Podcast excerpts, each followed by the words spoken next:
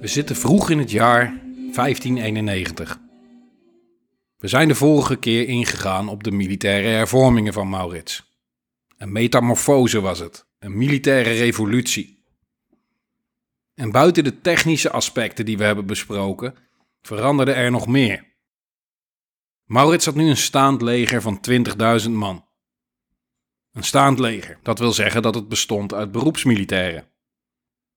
Gebruikelijk was om militairen te werven voor de duur van een campagne, een veldtocht of voor een veldslag, of wellicht voor een campagneseizoen, om het leger daarna te ontmantelen. Om de volgende keer weer opnieuw te beginnen met het werven, het selecteren, het opleiden en het inzetten van soldaten. Het is op korte termijn goedkoper om het zo te doen, om soldaten tijdens het winterseizoen niet te hoeven huisvesten en te voeden. Maar het is ook kapitaalvernietiging. Elke keer gaat er een hoop ervaring en kennis verloren. Het zorgt voor verminderde groepscohesie en dingen zoals regimentstrots. Op die manier bouw je geen institutioneel geheugen op binnen je leger. Steeds weer met nieuwe soldaten werken, of ervaren soldaten steeds in andere eenheden indelen, zorgt dus voor minder professionaliteit, minder loyaliteit en minder effectiviteit. En simpel gezegd, dit type soldaat heeft minder overlevingskans. Dus uiteindelijk is het duurder om het op die manier aan te pakken. En daarom gingen Maurits en Van Oldenbarneveld voor de lange termijnvisie, met het oog op de toekomst. Het staatse leger was nu professioneler, fitter en groter dan ooit tevoren. Een machtige oorlogsmachine van 20.000 man dus. En de eerste grote veldtocht van Maurits en zijn leger was op handen. Met de theorie zat het wel goed, maar hoe zou dat in de praktijk uitpakken? We gaan het zien. En vlak de Spanjaarden nog niet uit, want die beschikten over een veel groter leger. Die hadden 60.000 man. Een behoorlijke meerderheid dus. Geleid door onze vriend, Alexander Farnese, de hertog van Parma, die we ook deze keer weer gewoon Parma zullen noemen. Hij was ruim twee keer zo oud als Maurits en was net als zijn tegenstander jong begonnen. De Spaanse edelman had een imposante en lange carrière gehad. Vanaf 1578 was hij landvoogd over de Nederlanden. In de lage landen behaalde hij een hele serie overwinningen. En had eigenlijk het hele huidige België terugveroverd op de opstandelingen. Een kundig militair dus. En een gevaar voor het voortbestaan van de republiek. Ik heb hem de vorige keer omschreven als meedogenloos. En dat was hij ook, als militair. Zoals ik al zei, die keek niet op een mensenleven meer of minder. Aan zijn eigen kant ook niet. Maar goed, Parma was niet alleen een schoft. Hij schijnt relatief mild te zijn geweest naar de protestanten, toegefelijk. En was buiten de strijd zelf een hoffelijk man, ook naar zijn tegenstanders. Dus om hem volledig over één kam te scheren met Alva bijvoorbeeld, qua vreedheid, zou onterecht zijn. Goed, dan hebben we Parma ook een beetje gerehabiliteerd. En dan hebben we een idee waarmee we te maken hadden. Hij was wel net als Alfa een gevreesde en beruchte vijand. Met 60.000 man onder zich. Toch werd dat numerieke overwicht enigszins teniet gedaan door een aantal ongunstige omstandigheden voor de Spanjaarden. De oorlog met de Franse hugenoten was weer opgeleid. Dus waren ze genoodzaakt om troepen naar het zuiden te sturen. En wat ze overhielden in Nederland was slecht gemotiveerd. Zoals gezegd waren de Spanjaarden laks met betalingen. Soldij uitkeren was een van de grote terugkerende problemen aan hun kant. Dat had niet alleen maar te maken met onwil trouwens. Het kwam ook omdat het Spaanse Rijk heel centraal bestuurd werd vanuit Madrid. En daarom moest geld helemaal uit Spanje komen. Onderweg waren er dan regelmatig problemen. Ongunstige wind of slecht weer, waardoor de vertraging werd opgelopen. Maar ook ernstigere dingen, zoals kapers en vijandelijke blokkades en schepen, waardoor de hele vracht verloren ging. Wat we bij Bergen op Zoom zagen, bij de troepen van Parma. En zo kwam de soldij dus regelmatig niet of te laat aan. En ja, een leger is meer dan werk alleen, maar dat heeft een grens. At the end of the day is het ook gewoon een baan en willen soldaten betaald worden. Een keer met een excuus komen kan nog, maar verwachten dat ze hun leven wagen, maandenlang, zonder soldij? Nee, dat is te veel gevraagd. En dat was hier dus aan de hand. En dus waren er binnen het Spaanse leger diverse muiterijen uitgebroken. Een deel van die 60.000 man waren daardoor niet effectief inzetbaar. Het verzwakte het Spaanse leger aanzienlijk en gaf de Nederlanders de kans om van die wanorde gebruik te maken. Dus even resume: Nederland had een goed en modern leger. En Spanje een groter leger, maar in verval. Met aan beide kanten een goede leider. In zekere zin waren de beide commandanten een belichaming van de staat die ze vertegenwoordigden. Parma had jarenlang aan de top gestaan, was al lange tijd de beste, was daardoor arrogant geworden. Was al enigszins op leeftijd ook, had wat overgewicht en wat pijntjes her en der. Het lichaam was niet meer in optima forma. Hij was mentaal ook niet meer zo scherp als dat hij vroeger was. Was de laatste tijd toch wat nonchalanter geworden. Slordig zelfs. Zijn beste tijd lag achter hem. En tegenover hem stond Maurits. Die moest zich nog bewijzen. Kwam op als underdog. Was jong, fit, fris en scherp. Had wat minder massa. Zat in een lagere gewichtsklasse. Moest het niet hebben van zijn grote spierballen. Maar was daardoor wel flexibel en snel. Zat vol bravoure, maar was niet roekeloos. Was gefocust. Had zijn ogen op de prijs. Betere tijden lagen voor het grijpen. Vervang Parma voor Spanje en Maurits voor Nederland. En je snapt mijn punt. Dit is hoe we ervoor staan. En hoe de schaakstukken op het bord staan.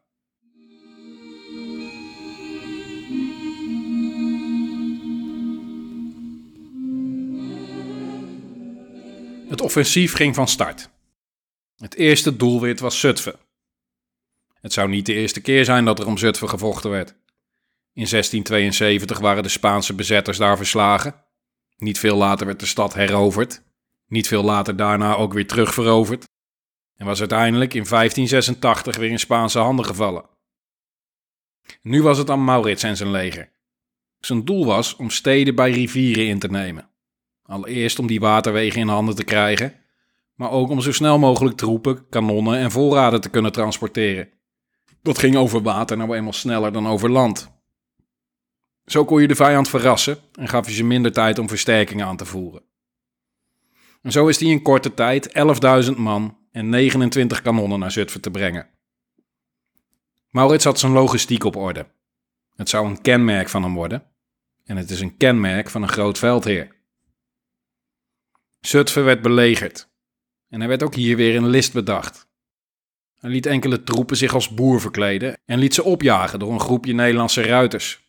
De Spanjaarden lieten ze de stadspoorten binnen, waarna de wachters overmeesterd werden door de zogenaamde vluchtelingen.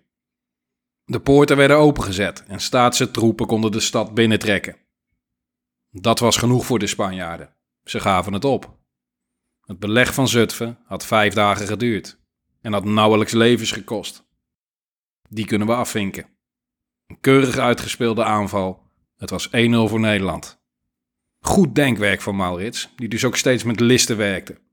Hij was ook in dit opzicht een opvallend modern generaal. Was zuinig op zijn troepen, was niet roekeloos, was voorzichtig. Hij leunde niet op vuurkracht of overmacht als het op een andere manier kon. Bijvoorbeeld wat we hier zagen. Een kleine eenheid achter de linies een cruciaal punt in laten nemen, om de weg vrij te maken voor de hoofdmacht. Hij was een tijd ver vooruit wat dat betreft. Het is wat parachutisten doen, commando's, luchtmobiele troepen. En hij werkte er dus ook al mee. Luchtmobiele inzet was uiteraard lastig in die tijd, maar het principe is hetzelfde. Goed, Zutphen was de eerste stap. Nu was het op naar Koevoorde. Althans, dat was het eigenlijke plan. Maar het succes in Zutphen gaf vertrouwen om eerst het goed verdedigde Deventer over te nemen. Zo konden ze wederom gebruik maken van de IJssel. Troepen en materiaal werden getransporteerd en op 31 mei begon de belegering van Deventer. Deze hindernis was van een andere orde. Niet voor niets dat Deventer in eerste instantie niet op het menu stond. De stad werd verdedigd door 1200 man, voornamelijk Franstalige Belgen, Walen dus en Duitse huurlingen, aangevuld met gevluchte troepen uit Zutphen. Een aanzienlijk garnizoen. En ze stonden onder leiding van graaf Herman van den Berg, een neef van Maurits. Ik zal een andere keer wat uitleg geven over waarom een neef van Maurits aan Spaanse kant stond, maar dat is voor een andere keer. Voor nu moeten we door. We moeten meters maken. Deventer moest genomen worden. Een handig trucje zat er dit keer niet in. Of toch? Maurits ondervroeg mensen die niet lang daarvoor nog in de stad waren geweest. En zo kwam hij erachter dat er spanningen waren binnen het garnizoen. De Duitsers hadden geen soldij gekregen en de Walen wel. Ook hadden de verslagen soldaten uit Zutphen het moreel nog verder naar beneden gebracht. De verdediging was dus verdeeld en slecht gemotiveerd. Maurits besloot niet te wachten en direct gebruik te maken van dit voordeel. Hij liet een zwaar bombardement op de stadsmuren openen. De poort werd beschadigd en er ontstond een bres in de stadsmuur. Nu konden aanvallers de stad bestormen en met bruut geweld proberen binnen te dringen. De eerste Nederlandse aanval werd echter afgeslagen. De Engelsen hadden een plan, want die vochten ook weer mee, een regiment van 1600 man. Vanaf dat moment vocht dat regiment standaard mee aan de Nederlandse kant. Goede troepen en uitstekend geleid door Francis Veer. Daar heb je hem weer. Hij zou langdurig en voortreffelijk functioneren in het leger van Maurits. Hij kwam met een plan om s'nachts een bataljon de stad in te loodsen en een Spaanse overgave te forceren. Een riskant plan. De verrassing kan leiden tot een overrompeling. Maar als het fout gaat, dan zit je als een rat in de val. Maar daar deinst de veer niet voor terug.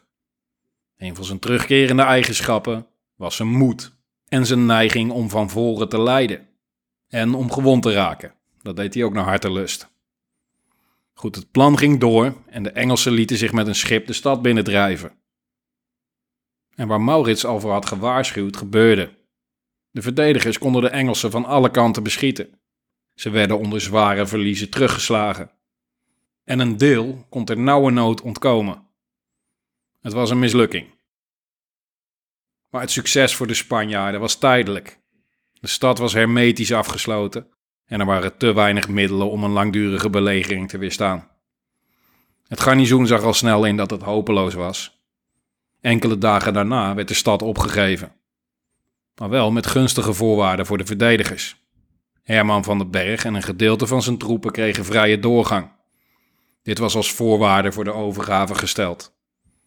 Soms moet je pragmatisch zijn, vond Maurits. En soms moet je ook wel grof geweld gebruiken. Want listen en tactische manoeuvre werken niet altijd. Die optie is er ook niet altijd. Zoals nu dus. Want de belegering van Deventer was met veel geweld gepaard gegaan. De stad en burgerbevolking hadden grote schade geleden door de bombardementen. En het garnizoen ook. Die hadden 300 doden en 500 gewonden. De stad was in Nederlandse handen. Het was een extraatje dus, een bonus. Ze hadden Deventer onderweg even meegepakt. Toch was het nog lastig zat geweest. Maurits had een risico genomen door af te wijken van zijn plan. Maar het pakte goed uit. Het was achteraf gezien een goede inschatting geweest. De winnaar heeft altijd gelijk.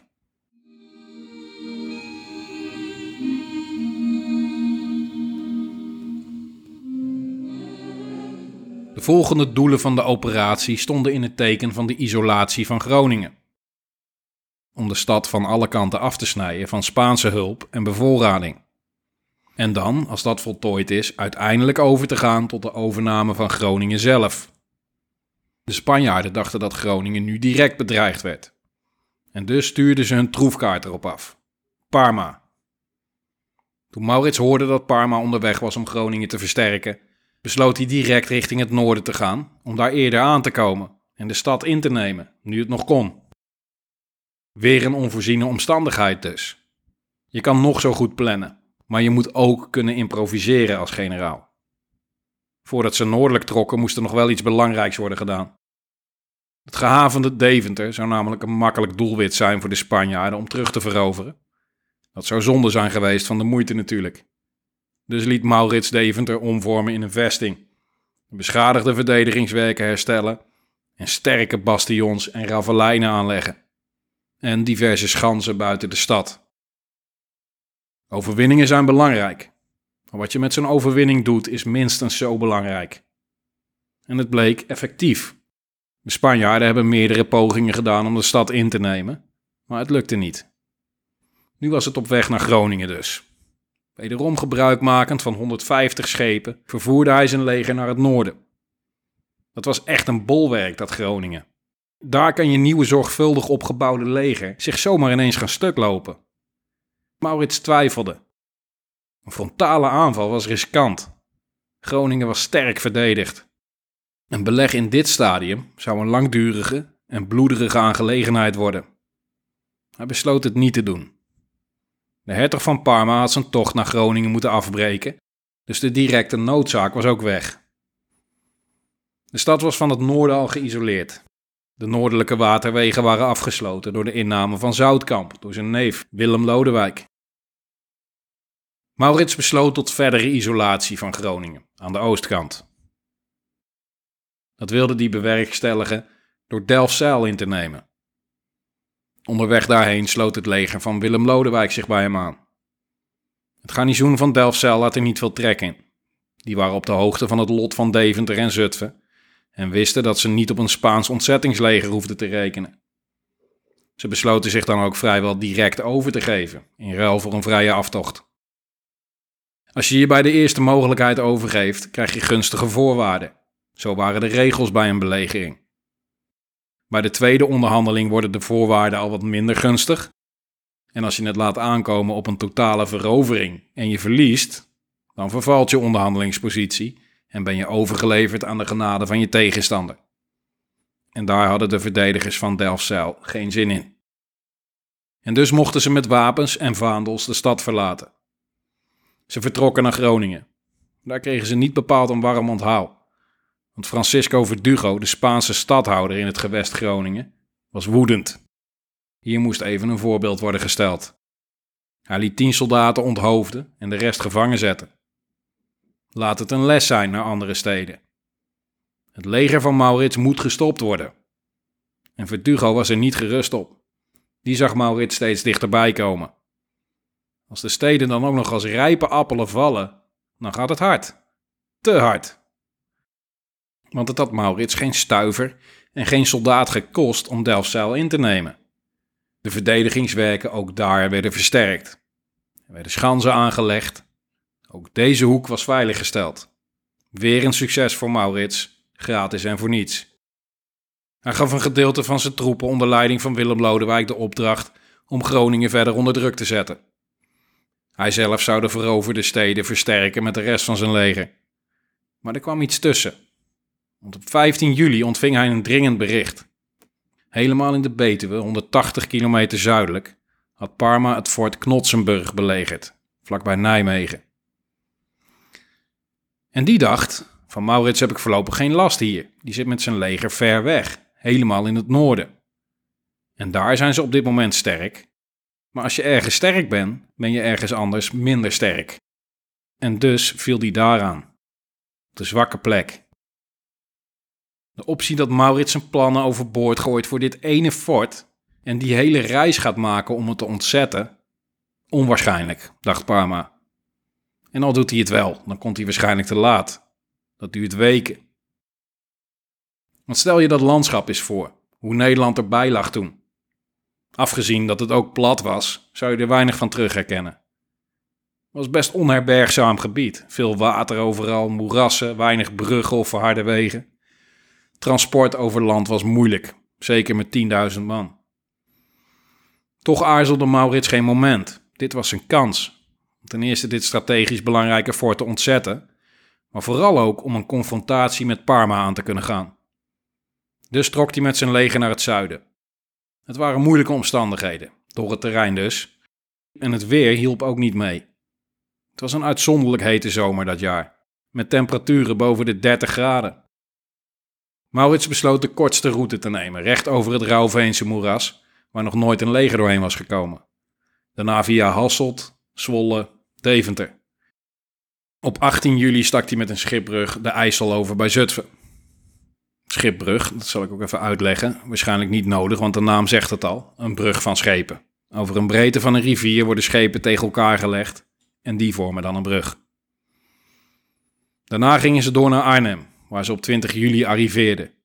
De mannen waren kapot, het was een zware reis geweest. Ze waren in bliksemsnelheid door het land getrokken. Een speedmars met volle bepakking bij 30 graden. Dagenlang. Toch was het ze gelukt. Dat zegt iets over de staat van dit leger. Als er geen strakke organisatie is, ijzeren discipline en als je soldaten niet fysiek uitermate fit zijn, dan red je dit niet. Zo simpel is het. Maar zouden ze ook nog op tijd zijn om Fort Knotsenburg te ontzetten? Voorlopig hielden ze daar nog stand. Een paar honderd man onder leiding van Gerrit de Jong tegen 10.000 Spanjaarden. Al bijna een week nu. Ze werden zwaar beschoten. Er werd zwaar gevochten. Op 21 juli liep een Spaanse officier nonchalant over de belegeringslinie om de verdedigers uit te lokken. En dat lukte, want een Nederlandse scherpschutter schoot hem recht door zijn hoofd. Woedend begonnen de Spanjaarden massaal aan te vallen. De verdedigers verweerden zich uit alle macht. En die hadden nog een troefkaart achter de hand. Zes kanonnen, die ze nu op korte afstand inzetten. En dan met grape shot. Dus geen kanonskogels, maar een soort hagelschot. Ik weet niet of ze de klassieke grape shot gebruikten, geprepareerde munitie waar kleine stalen balletjes worden afgevuurd. Of dat het geïmproviseerde munitie was die ze gebruikten. Want dat kon van alles zijn. Alles van metaal. Spijkers, nagels, musketkogels, messen en vorken. Alles wat voorhanden was meestal. Ook kiezels, glas, wat dan ook. En dat werd dan op zeer korte afstand, echt tussen de 10 en 20 meter soms, op dikke rijen infanterie afgevuurd. En dat werkt. Het verdient geen schoonheidsprijs, het effect is behoorlijk luguber, maar het werkt als een zonnetje. Als je maar niet aan de ontvangende kant staat, dan is het minder prettig. Het veroorzaakte een bloedbad. Honderden Spanjaarden werden in korte tijd gedood, waaronder enkele hoge officieren. Honderden anderen met zeer ellendige verwondingen. De aanval werd afgeslagen. Maar zou het genoeg zijn? Zouden ze het kunnen volhouden tot Maurits arriveerde? Die had zich ondertussen in Arnhem verschanst. En het was gaan regenen. En niet zo'n beetje ook. Het zorgde voor vertraging, zodat ze pas drie dagen later op de 24ste Arnhem konden verlaten. Het was een tegenvaller, want elke seconde telde voor het fort. Maurits en zijn mannen gingen op pad, op zoek naar de confrontatie met Parma. Ze zagen aan de overkant van de rivier de belegering van het kasteel. Het Spaanse leger had 8000 man voetvolk en 1600 ruiters. Maurits ook zoiets. Iets meer ruiters, zo'n 2000. Maar dat was het verschil niet want Parma had het verdedigende voordeel. En zijn cavalerie was berucht, zelden verslagen met veel ervaring, vol met Spaanse en Italiaanse edellieden. Het leger van Parma had sowieso een aantal elitekorpsen, vooral zijn pikeniers, keiharde veteranen, die de tertio-formatie vormden, aangevuld met musketiers. Een dodelijke formule die al een eeuw lang nagenoeg ongeslagen was. Maar wat niet is, kan nog komen. Na het oversteken van de Rijn begon Maurits aan te sturen op een gevecht. Voorzichtig als hij was, niet roekeloos. Beducht om in het Spaanse mes te lopen. Hij stuurde een groepje Nederlandse ruiters op verkenning. En die werden ontdekt door een groep Spaanse veteranen. Al snel werden ze door een overmacht aangevallen en sloegen ze op de vlucht. Achterna gezeten door een overmacht aan Spanjaarden. De Nederlandse ruiters vluchtten zo hard als ze konden, tot ze bij een brug aankwamen. Daar keerden ze plotseling om en zetten de tegenaanval in. De Spanjaarden stortten zich schreeuwend op het groepje Nederlanders. Maar ineens kwamen van twee kanten, uit verdekte opstelling, duizend Nederlandse musketiers en honderden ruiters. De Spanjaarden waren ingesloten. Het was een briljante hinderlaag, bedacht door Maurits en Veer. Het was een grote klap. Een paar honderd elite-troepen werden in de pan gehakt. Ze waren omsingeld, geïsoleerd, buiten bereik van hulptroepen. De verliezen stapelden zich op. Toen ze 200 man verloren hadden, staakten ze de strijd. De eerste klap is een daalder waard. Maar de staatse troepen hadden ook verliezen geleden. Wel iets minder, acht in totaal. Twee doden en zes gewonden. En zo was de hertog van Parma in de aanvallen op het fort al veel mensen verloren, en nu dus ook weer, zonder iets te hebben bereikt. Maar er was hulp onderweg voor de Spanjaarden. Vanaf de Waal waren de Spaanse oorlogsschepen onderweg, vol met troepen om Parma's leger te versterken.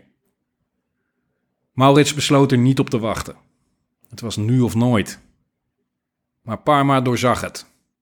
En hij wist dat hij de belegering moest handhaven en op hetzelfde moment slag moest leveren met Maurits. En Parma verloor niet. Althans, tot voor kort. voordat Maurits in beeld was. Nu was alles anders. Hij twijfelde. Wat voor trucs tovert die jonge Nederlandse generaal straks nog meer uit zijn hoge hoed? Met een tactische aftocht kan ik nog thuiskomen in Spanje. Maar met een zware nederlaag? Misschien kom ik dan überhaupt niet meer thuis. Wegwezen, dacht hij. Maurits was nu in volle slagorde voorwaarts gegaan en trof het Spaanse kamp verlaten en in brand gestoken aan. Parma had zijn voltallige leger de Waal overgezet, met al zijn wapens en munitie, in recordtempo. Hij had rekening gehouden met een terugtocht door een scheepsbrug klaar te leggen en had veldversterkingen aangelegd om de aftocht te dekken. Parma had zijn logistiek dus ook op orde. Zoals ik al zei, een kenmerk van een groot veldheer. En dat was Parma. Maar hij had duidelijk concurrentie nu. De generaals waren aan elkaar gewaagd. Zoveel was duidelijk. Deze Parma weet wat hij doet, maar Maurits ook. En ondanks dat hij geen beslissende slag had kunnen leveren, hij had hem niet knock-out kunnen slaan, had hij wel een aantal goede klappen uitgedeeld, rake klappen. En Knotsenburg was ontzet. Nee, ze waren blij, ze waren niet emotioneel ontzet, maar het beleg was ten einde. De moedige verdedigers hadden stand gehouden. Parma trok zich terug naar Nijmegen en verdween daarna om gezondheidsredenen even van het toneel. Maurits liet zijn troepen op adem komen. Besloot om de steden in de buurt te versterken. Zijn soldaten werden ingekwartierd en gingen zich langzaam opmaken voor de winter. Het was nu een kwestie van consolideren en op kracht te komen. Soms is het beter om te behouden wat je hebt dan om te streven naar meer. Het campagneseizoen was ten einde. Parma vertrouwde het niet. Hij wist dat het Maurits om Nijmegen te doen was. Na een paar weken was hij opgeknapt en besloot hij met zijn leger Nijmegen in te trekken. Maar er was geen activiteit meer. Het front lag stil. Alles duidde erop dat de veldtocht van 91 was geëindigd.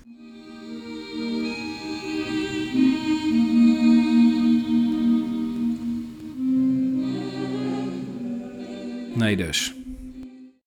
Maurits ging in het grootste geheim met 4000 man verder op veldtocht. 4000 van zijn allerbeste en meest ervaren soldaten. En zo verscheen die ineens een maand later in Zeeland, bij Hulst. De verdediging was totaal verrast. De Spaanse legerleiding had recentelijk daar nog troepen weggehaald, omdat ze geen benul hadden dat hij daar ineens voor de poort zou kunnen staan. Ze waren kansloos tegen de elite van Maurits. Na vijf dagen gaf de stad zich al over. Weer een geslaagd plan dus van ons gouden duo. Het plan van Van Oldenbarneveld, de uitvoering van Maurits. De strategie was goed. En wat dacht je van de tactiek? Maurits had 4000 man ongezien door het land verplaatst en was vanuit het niets ineens voor Hulst opgedoken. Hulst was belangrijk, want wie Hulst beheerst, heeft de macht over de Schelde. En om die te behouden liet Maurits de omgeving fortificeren. We kennen het patroon ondertussen. Iets veroveren is leuk, maar als je het daarna niet kan behouden, heb je er niets aan. Dan wordt het stuivertje wisselen. Zoals het eigenlijk de eerste twintig jaar van de oorlog was gegaan. Maar nu was alles anders. Nu was er organisatie. Goede strategie dus vanuit de Staten-Generaal. Maar net zo belangrijk, iemand die die strategie kan uitvoeren. Het kan omzetten in een winnende formule. En dat was Maurits. Want hij begint zich, zo snel eigenlijk al, te ontwikkelen van een veelbelovend talent tot een zeer compleet generaal. We zien alles wat een leider nodig heeft om goed te zijn. Dingen die vandaag de dag nog steeds gelden voor een generaal. Hij was moedig, maar niet roekeloos. Was verstandig, plande zijn operaties tot in de puntjes. Was grondig, had zijn logistiek op orde, gebruikte het terrein in zijn voordeel was dan weer agressief en dan weer voorzichtig, maar net wat de situatie voorschreef. En hij werkte met listen, met afleiding, omleiding, omzeiling, ontmoediging, met het verrassingselement. Hij was goed voor zijn soldaten en had oog voor hun behoeftes. En hij was rechtvaardig naar zijn eigen mensen en naar zijn vijanden. En hij was 24 jaar op dat moment.